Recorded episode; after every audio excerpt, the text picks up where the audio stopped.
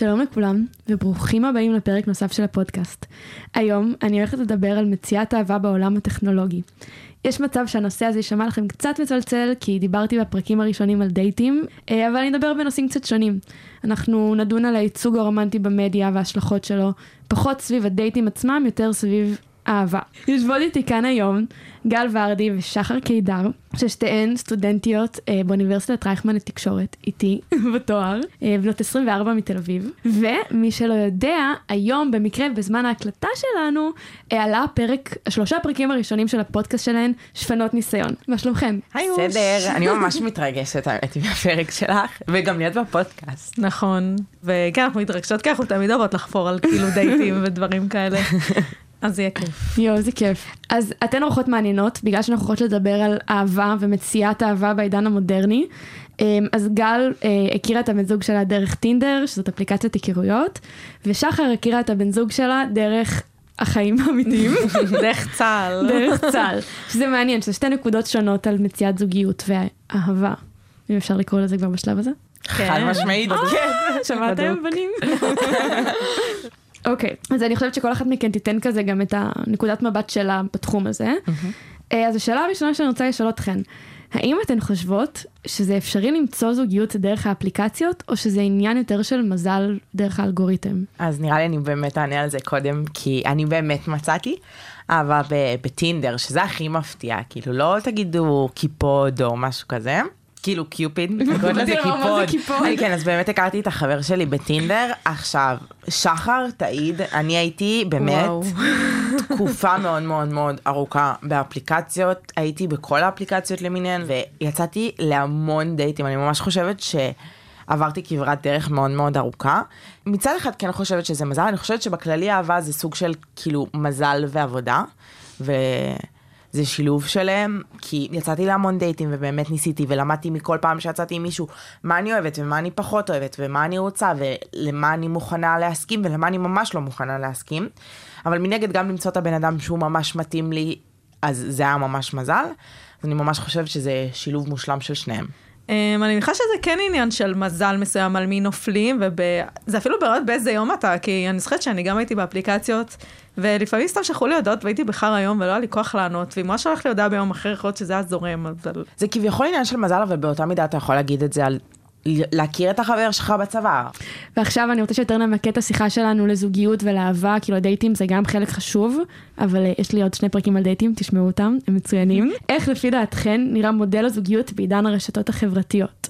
כלומר, מתי הם מעלים תמונה ראשונה לסטורי, מתי הם מעלים תמונה ראשונה לפיד, אם בכלל מעלים, איזה תמונות מעלים? כאילו, מה, מה ציר הזמן של זה? אני חושבת שברגע שיש את ההרגשה הבטוחה הזאת בין שני בני הזוג, אז מן הסתם שלא אמורה להיות בעיה לחשוף את זה בפני אנשים או משפחה או האנשים שעוקבים אחריהם אה, באינסטגרם, כי אז זה בעצם אמור להיות אה, החלטה משותפת של שניהם, ויש את הביטחון, וזה לא אמור להיות מביך מן הסתם. אה, ואז באמת השאלה היא מתי הם מרגישים את זה בנוח, הם מרגישים בנוח אחרי שבועיים, אחרי שלושה חודשים, או... אני כן חושבת שכל העניין של הרשתות החברתיות מכניסות עוד פן אולי של סמנוב, עוד יד, כביכול במערכות יחסים של היום. זה, זה לא רק לפגוש את ההורים ולפגוש את החברים, כן. זה פתאום להעלות תמונה, ויש לך גם להעלות סטורי, ואני חושבת שאני מאוד הרגשתי את זה בזוגיות הזאת, כי קודם כל זו הייתה גם הזוגיות הראשונה שלי. זה ממש מצחיק איך פתאום העולם של האהבה וזה ממש השתנה, כאילו פתאום יש אספקטים שאתה דואג מהם או חושב עליהם, שנולדו מה, מהמדיה החברתית. כן, תוך כדי שאני שואלת אתכן אה, על כזה מה השלבים, פתאום אני קולטת איזה שאלה הזויה, אתן קולטות שחלק מזוגיות, מאהבה, זה לשים ברשתות חברתיות. זה מטורף, זה ממש מטורף. כן. כמה אתן באמת חושבות שהייצוג במדיה של זוגיות וקשרים ואהבה מעצב את מה שאתן מחפשות בקשר? בום, שאלה גדולה. כן. יש לי דווקא תשובה לזה. אני קלאסי, אני גדלתי על, על דיסני, אני מאוד אהבת את הסדרות האלה שזה כזה, או נסיך ונסיכה, והוא בא ולהציל אותה ועניינים. אבל אני כן חושבת שלי גם יש ייצוג של זוגיות מאוד בריאה מהבית, מההורים שלי, אז אני חושבת שנתתי הרבה יותר משקל לזוגיות של ההורים שלי מאשר למדיה. לא דווקא מדיה, דווקא ספרים, אני חושבת שקראתי הרבה, שגם הרבה, וגם שם הכי בספרים זה יותר מוגזם מטלוויזיה, יש מאוד את המשחק הזה של הגבר המאצ'ו, הוא אוהב אותה והוא protective, הכי מביך בעולם, ובדוק זה השפיע עליי באיזושהי נשמע צורה. cringe רצח. לא, זה cringe של עליי, כי הם ואני מתארים מילה אוכלת במילה את את זה. הסיטואציה. כן. וכאילו אתה אומר כזה, או, הוא אוהב אותה והוא מגן עליה, אבל בסופו של דבר זה כאילו, זה בולשיט. אני, מבלי לחשוב על זה, בטוח שזה השפיע עליי איכשהו. כאילו, לצערי, אין שכפול שלי בעולם בלי טלוויזיה כדי לדעת נכון. אם זה השפיע או לא. אבל נגיד, אני כן חושבת למשל שאני רואה את ההורים שלי, או כל מערכת יחסים בריאה כזה, השפיעו, וגם אצלי עכשיו זה לא זוגיות ראשונה, אז כן היה לי סוג של כזה, אוקיי, אני יודעת שאת זה אני כן מאוד רוצה, וזה כן מאוד חשוב לי, וזה נגיד ממש לא מתאים לי, וידעתי ככה לאט לאט לבנות לעצמי מין את המודל המושלם בשבילי, שמתאים או לא מתאים לי, ישר להגיד לו, וישר כזה, אוקיי, זה לא היה סבבה, זה כן היה מתאים, זה לא היה מתאים, ורק ככה בונים את הדברים האלה. אני אגיד לכם, קושי שעולה לי מה, מההשפעות של, של המדיה, כאילו של הטלוויזיה והסרטים, זה שהכל נורא פשוט ומסונכרן מבלי לדבר על הסנכרון.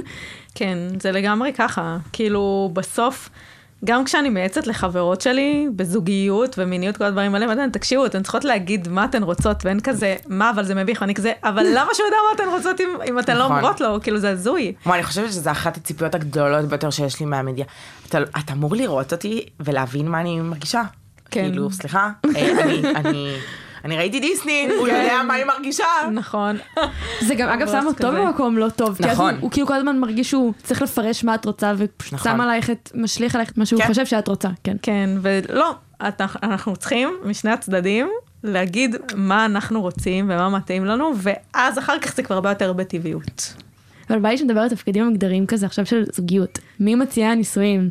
מי אה, משלם בדייטים? כאילו מי עושה את המחוות הגדולות? יכול להיות שאני כן אתחתן, זה לא דחוף לי, זה לא משהו שעולה לי בראש ישר, כאילו בתכלס. אנחנו חיים עד גיל 90, רוב האנשים היום כבר מתגרשים באמצע, כי את, זה נורא קשה לחיות עם אותו בן אדם 90 שנים. יש את המוסכמה הזאת שהגבר צריך לעשות את זה, אבל אני יכולה להגיד לפחות מההורים שלי ששאלתי אותם, שהם די דיברו על זה כזה ביניהם, כאילו, אני לא יודעת אם באמת הייתה הצעה כזה כמו שצריך, אבל גם אם הייתה, הם דיברו על זה וסוג של החליטו את זה כזה ביניהם. אני חושבת שבעולם של המדיה של היום, הצעות נישואים הפכו יותר לגימיק מאשר... כן. אני רואה, כאילו אני חושבת בגלל ההורים שלי, אני רואה הצעת נישואים ונישואים כשותפות, זה מעבר לחתונה, מעבר לגימיק הזה שאני מאוד אוהבת, אני מאוד אוהבת את השטויות האלה של הפרחים והטבעת, אבל זה הרבה מעבר לזה, ואני חושבת שבעולם היום הרבה יותר מתמקדים בזה, אז כן יש את הציפייה של הגבר שיעשה את זה. בסופו של דבר, קריאה על ברך, אני רוצה שהבן זוג שלי יעשה את זה, אבל אני חד משמעית חושבת שזה לא משהו שיבוא בהפתעה, אנחנו נתכנן את הכל, אנחנו נדבר על זה, מתי זה נכון לשנינו, מתי אנחנו רוצים את זה. אני אוהבת כן. את מה שאת אומרת. את אומרת מצד אחד זה משותף, אבל מצד שני אני יודעת שאני רוצה שיקראו לי ברך. כן, כאילו, בא לה בסוף את, ה, את הסרט דיסני. נכון, בא לי את השילוב של המציאות ודיסני. כן. טוב, אז הגענו לסוף. אה, ואני רוצה ממש להודות לכן, לגל ורדי ולשחר קידר, על הפתיחות, על הזרימה ועל הכיף. תודה שהזמנת אותנו. ממש תודה, אני ממש נהנית. כן, היה לי ממש כיף, אנחנו אוהבות לחפור. ביי ביי. תודה. אז יושבת איתי כאן דוקטור שירי רזניק, שהיא פסיכולוגית חברתית ומרצה באוניברסיטת רייכמן בפסיכולוגיה ותקשורת, וגם המנחה שלי בסמינריון. אה, אני מאוד שמחה לחבר את שני העולמות. מה שלומך? הכל טוב, איך את? אצלי מצוין, אני מתרגשת להקלטה שלנו. גם אני, זה כיף. לגמרי.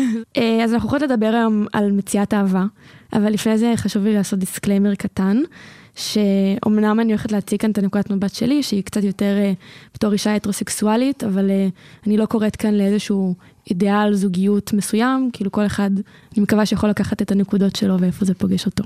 Love is love, יש לנו הרבה דגמים, זה לא חייב להיות גבר ואישה, והנושאים אה, שנדבר עליהם יהיו רלוונטיים אה, גם לקבוצות אה, רבות ומגוונות. לגמרי.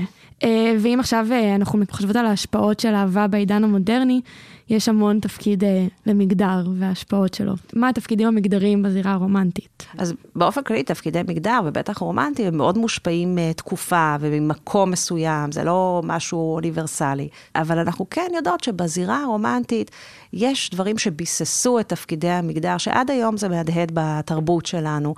אה, זה מתחיל מהעלמה במצוקה והנסיך שמושיע אותה, זה ככה מוטיבים אה, קולקטיביים שמופיעים בהרבה תרבויות, באגדות ילדים, בדיסני, בקומדיות רומנטיות סביבנו. אז באיזשהו מקום הזירה הרומנטית תמיד הייתה אה, סביב תפקידים מאוד סטריאוטיפיים של הוא יוזם ומחזר ורץ אחרייך בכל הסרטים, ו, אה, ואת נענית לחיזורים שלו כאישה. זה ייצר תמונה לא מאוד שוויונית ולא מאוזנת בזירה הזו, אה, שממשיכה אל תוך ימינו אנו. אולי הפנטזיה הזו היא קצת מותנה, היום uh, כשנשים uh, בשוק העבודה, בכל זאת דברים השתנו, אבל עדיין את תראי בדייט ראשון, היום ב-2022, כל פעם הסטודנטיות שלי אומרות, אני מצפה שהוא ישלם בדייט הראשון, uh, ואם לא, זה, זה ממש נורה אדומה מבחינתן, שאולי... זה לא רק שאולי הוא קמצן, זה שמשהו בו לא מספיק גברי, שמשהו לא נראה להן. Uh, מעניין שסטודנטים פחות uh, החלטיים, בנים, גברים בעניין הזה, ואולי יותר פתוחים לשינוי מסוים פה. אז כן, יש לנו עדיין את הסיפור של מי משלם בדייט ראשון ומי מציע נישואים, עדיין באחוזים, בעיקר, בעיקר גברים. Uh, אישה שמציעה נישואים זה קיים, אבל היא נתפסת כנואשת. וזה עדיין, אני בודקת כל פעם מחדש עם הכיתות שלי, ו, אמ, והרוב אומר, אני, זה לא נראה לי. בעיקר, בעיקר נשים שאומרות, אני לא רוצה להיות בפוזיציה הזאת של מה, אני אקרא ברך עם יהלום? זה, זה, אני לא רואה את עצמי, גם מעולם לא ראיתי ייצוג כזה במדיה או בשום מקום סביבי. למה שאני אעשה את זה? Uh, בסופו של דבר, הסטריאוטיפים הרומנטיים האלה עדיין קיימים. Uh, אולי כי כן יש פערי שכר עדיין, uh, והחברה עדיין לא שוויונית לחלוטין. מעניין שבתחום הרומנטי מאוד קשה להיפרד מהסטריאוטיפים האלה, כי הם צבועים באיזה אור ורוד, וחיזור, ומשהו אבירי, ו... אה, כלומר, זה חוסר שוויון, אבל הוא באיזו עטיפה מאוד מאוד מתוקה. הוא יפתח לי את הדלת. למה בעצם? כלומר, למה זה ג'נטלמני, עצם המונח ג'נטלמן? זה כן. מהמאה ה-13, אה, לקוח באנגליה של האהבה החצרנית, של חצרות המלוכה, האצולה, מה זה קשור אלינו? אנחנו מאות שנים אחר כך, זה עוד קיים. אבל אולי יש בזה משהו גם שעוזר, כי דייטים ולהכיר ולהתאהב זה אי ודאות, אז זה שיש מסגרת, אולי זה חיובי. כלומר, יש תסריט. כן. לפחות זה יהיה ברור. הוא יאסוף אותי, כן. הרבה פעמים גם הוא יקבע את המקום, הוא ישלם על הדייט הראשון.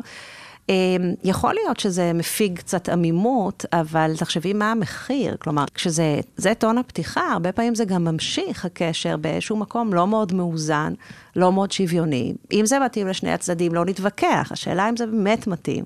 קשה לשני הצדדים לעשות את זה. כאילו, אני גם חושבת שנגיד לי יש אישיות... שאני שואפת לעצמאות, אז אני גם לא רוצה, נגיד, שישלמו עליי. Mm-hmm. וכשאני אומרת את זה, אבל לאו דווקא הצד השני יאמין לזה, כי לא כל כך מכירים, יש פער בין שני הצדדים שלא תמיד מבינים. אבל היום יש הרבה נשים שאומרות, כן, כמוך, שלפעמים קשה לי לשחק את התפקיד הזה, אבל אני חוששת מהתגובה של הצד השני כשאני אחרוג פתאום מהתפקיד. בדיוק. אה, אולי המפתח הוא למצוא צד שני, שגם הוא חושב כמוך, אולי מראש. נכון, אה, שצריך לשכנע. נכון, כלומר, אני חושבת נניח על הדייט הראשון אה, שלי ושל אה, בן זוגי כבר בעשור האחרון, אז לא היה צריך להסביר, זה היה די ברור מראש לשני הצדדים, שאין פה כזה עניין של לשלם על מישהו, וזה התחיל מראש בטון מאוד שוויוני. עכשיו, שוב, אולי לא לכולם זה מתאים, ולא נרצה לכפות גם את הדגם הזה, אבל שווה לשאול את השאלות, ולראות מאיפה הסטריאוטיפים האלה מגיעים, ואם יש בהם עוד צורך.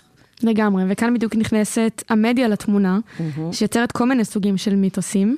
המיתוס הראשון שאני רוצה לדבר עליו זה של אהבה מבט ראשון, שכאילו זה הכל פשוט ללא תיאום ציפיות, זה גם משהו שהבנות העלו את זה של איך הוא לא מבין מה אני רוצה, רוצה בלי ש, שאני אומרת לו.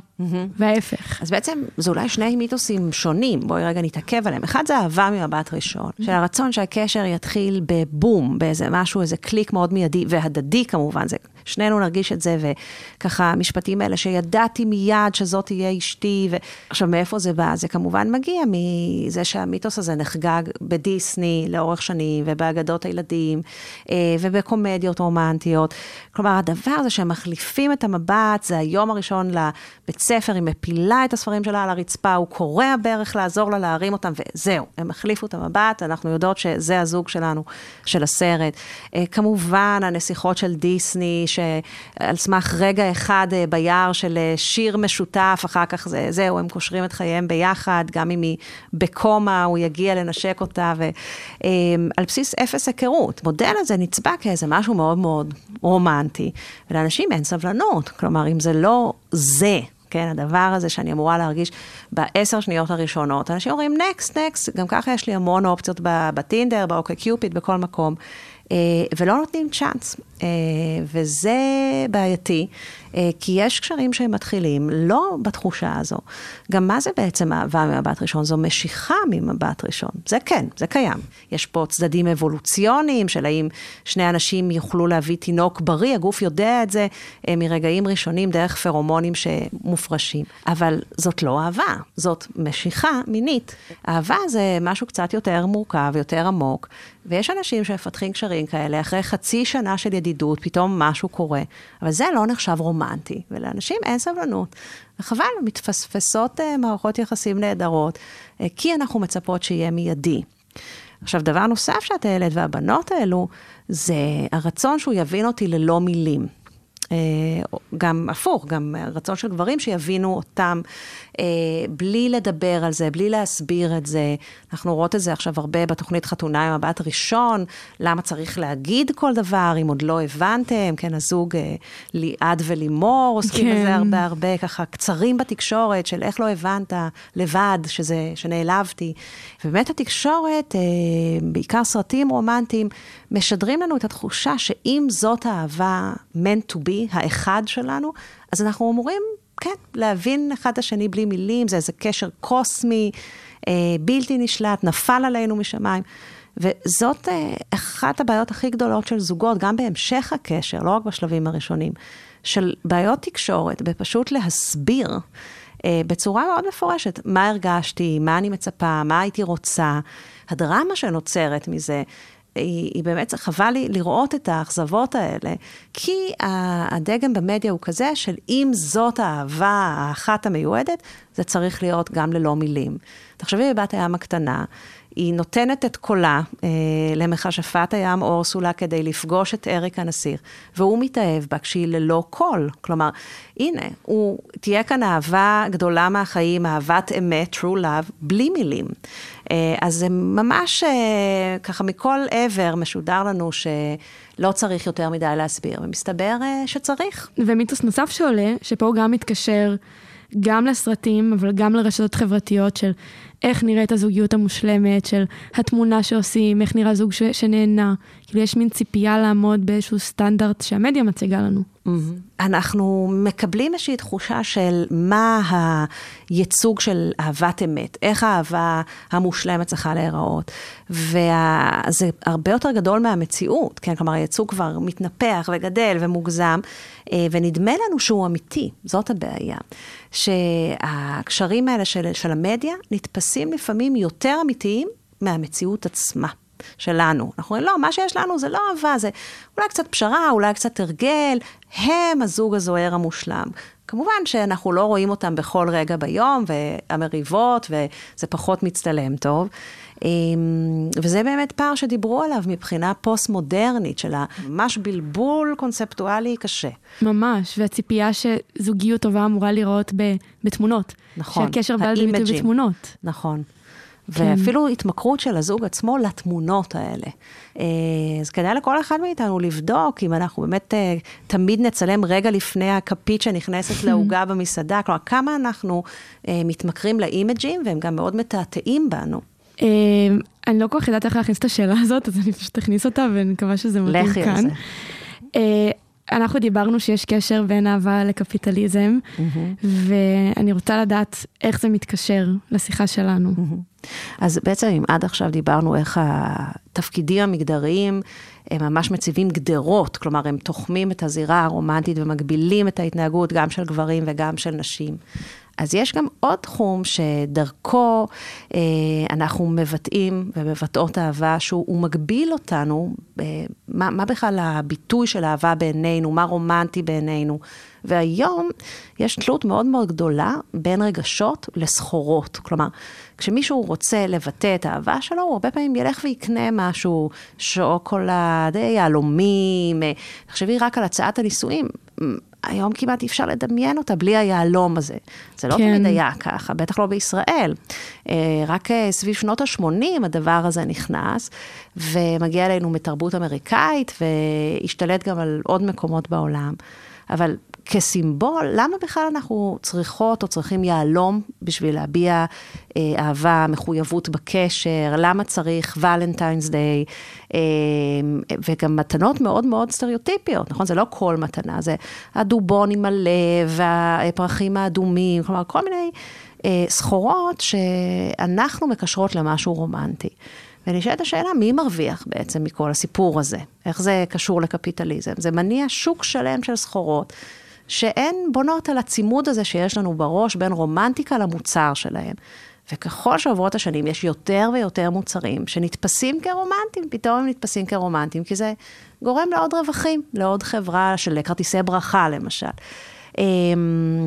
מעניין בהקשר של היהלומים להבין שזה הכל מתחיל מקמפיין פרסומי גאוני בשנות ה-40, כלומר כ-80 שנה אחורה, אה, של חברת דה בירס, אוקיי? אה, ארגון גדול אה, שמייצר יהלומים, והם יצרו פרסומת, A Diamond is Forever. נכון? זה בטח מוכר. יהלום הוא לנצח, והם לקחו אבן, בעצם אבן, ואמרו, איך אני אהפוך את זה לדבר הכי רומנטי, שאנשים יסכימו על האבן הזאת לשלם מאות אלפי שקלים, גם לפעמים, ואפילו מיליונים, אם ניקח את ה celebrities וקים קרדשיאן. חשבתי עליה גם. בדיוק, היהלום בארבעה מיליון דולר. כן. מקווה שאני מדייקת פה בסכום, שלא, היהלום הוורוד, היהלום... מאיפה זה בא? ופשוט במהלך גאוני של מיתוג, לקחו את האבן ואמרו, יהלום, האבן החזקה בטבע, היא לא נשברת. אה, אנחנו נגיד שהקשר שלכם, אם תביא לה את היהלום, הוא יהיה לנצח חזק ולא שביר, כמו היהלום הזה, כמו התכונות של האבן. ואמרו, a diamond is forever, זה תמיד יישאר לנצח, כמו הקשר שלכם. אז כשאתה מציע נישואים, אה, תביא את היהלום הזה כסמל הנצחיות של הקשר. ומשם הכל היסטוריה. אני כל פעם ככה נדהמת לראות שאנשים לא מסוגלים לדמיין את הרגע הזה של לקשור חיים ביחד, בלי הצעת נישואים עם הטבעת, ולהעלות אותה עכשיו גם לרשתות החברתיות. אמרתי כן. נכון. אז, אז כן. אז כאילו את אומרת שיש קשר בין זה ש... בין הקריאייטיב שחברות מסחריות יוצרות, לבין איך שאנחנו תופסים אהבה. נכון, ובעיקר רומנטיקה, המילה הזאת רומנטיקה, כן. מה נחשב רומנטי? והמילה רומנטי היום היא קשורה בקשר מאוד חזק לשוק כלכלי, שבו כדי להרגיש רומנטיקה, אני צריכה לבנות איזה setting, איזו סביבה מקושטת מאוד של עלי ורדים מפוזרים בצימר, ושמפניה ונרות. עכשיו, כל דבר כזה הוא עולה כסף, או ללכת לארוחת ערב שנראית ככה. זה עולה לי אה, סכום מסוים, וכל צורה של לחגוג את האניברסרי, את היום של הקשר, זה עם קנייה של נכון. מתנות מסוימות, אה, ו- וכל שוק התכשיטים, הדברים האלה, הם בנויים בדיוק על התפיסה שצריך את זה כדי להרגיש אהבה. אה, ובעבר הייתה פחות תלות כזאת. תמיד אהבה הייתה קשורה לכסף, כן. רק אולי לא עם המילה רומנטיקה. כלומר, היה הסכמים בין משפחות, הרי נישואים זה היה דבר מאוד לא רומנטי, זה היה הסכם, אה, עסקה, כן? אה, כן. לעשות ככה, להעביר נכסים בין משפחות, לדאוג ליחסי שלום עם השכנים, אז בואו נשדך נסיך ונסיכה, או... אז בעצם אנחנו היום מאוד מאוד תלויים ותלויות בתפיסה שלנו של אהבה ורומנטיקה, בקנייה של מוצרים. כדי לבטא את הרגש, אני אתן לקנות משהו. אז יש אה, הרבה בלבול. גם כשאנחנו כבר קצת מתחילים להיות ביקורתיים על הייצוגים האלה, והם נתפסים כלא הכי אותנטיים, אה, קשה להתנתק מהם. אה, כן. כי אולי אין מספיק חלופות, לא ברור לנו איך מבטאים אהבה, אז בדרך אחרת, איך להגיד, איך לעשות. רגע, אז בלי מוצרים, בלי קפיטליזם, לא כמו שזה נראה ברשתות, אז את מי נחכה? מה הדגם? אה, בכלל, ראייה ביקורתית זה דורש עבודה, זה דורש לשים איזה משקפיים ביקורתיות ולחשוב, רגע, אז איך תיראה החתונה שאני בכלל מתחתנת? אה, צריך חתונה? זה רק טקס שחוזרים עליו סתם, או אם כן חתונה, אז איך היא תיראה? האם כמו של כולם? או... אז זה דורש המון אה, הצבה של שאלות ולמצוא את המקוריות שלי.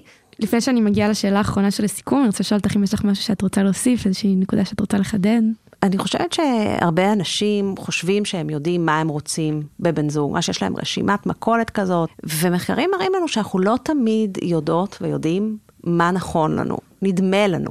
אנחנו חושבים שאנחנו יודעים מה אנחנו רוצים, אבל זה לא מה שאנחנו צריכים ברמה הפסיכולוגית. וקשרים פשוט נכשלים, יש לכל אחד מין טיפוס כזה שהוא מחפש, שהוא בנה לעצמו מין רשימת מאפיינים, ו, ושווה אה, לרדת מרשימות המכולת האלה עם הצ'קליסט, כלומר, יש אנשים שמתאימים לנו, ואנחנו לא תמיד רואים ורואות את זה.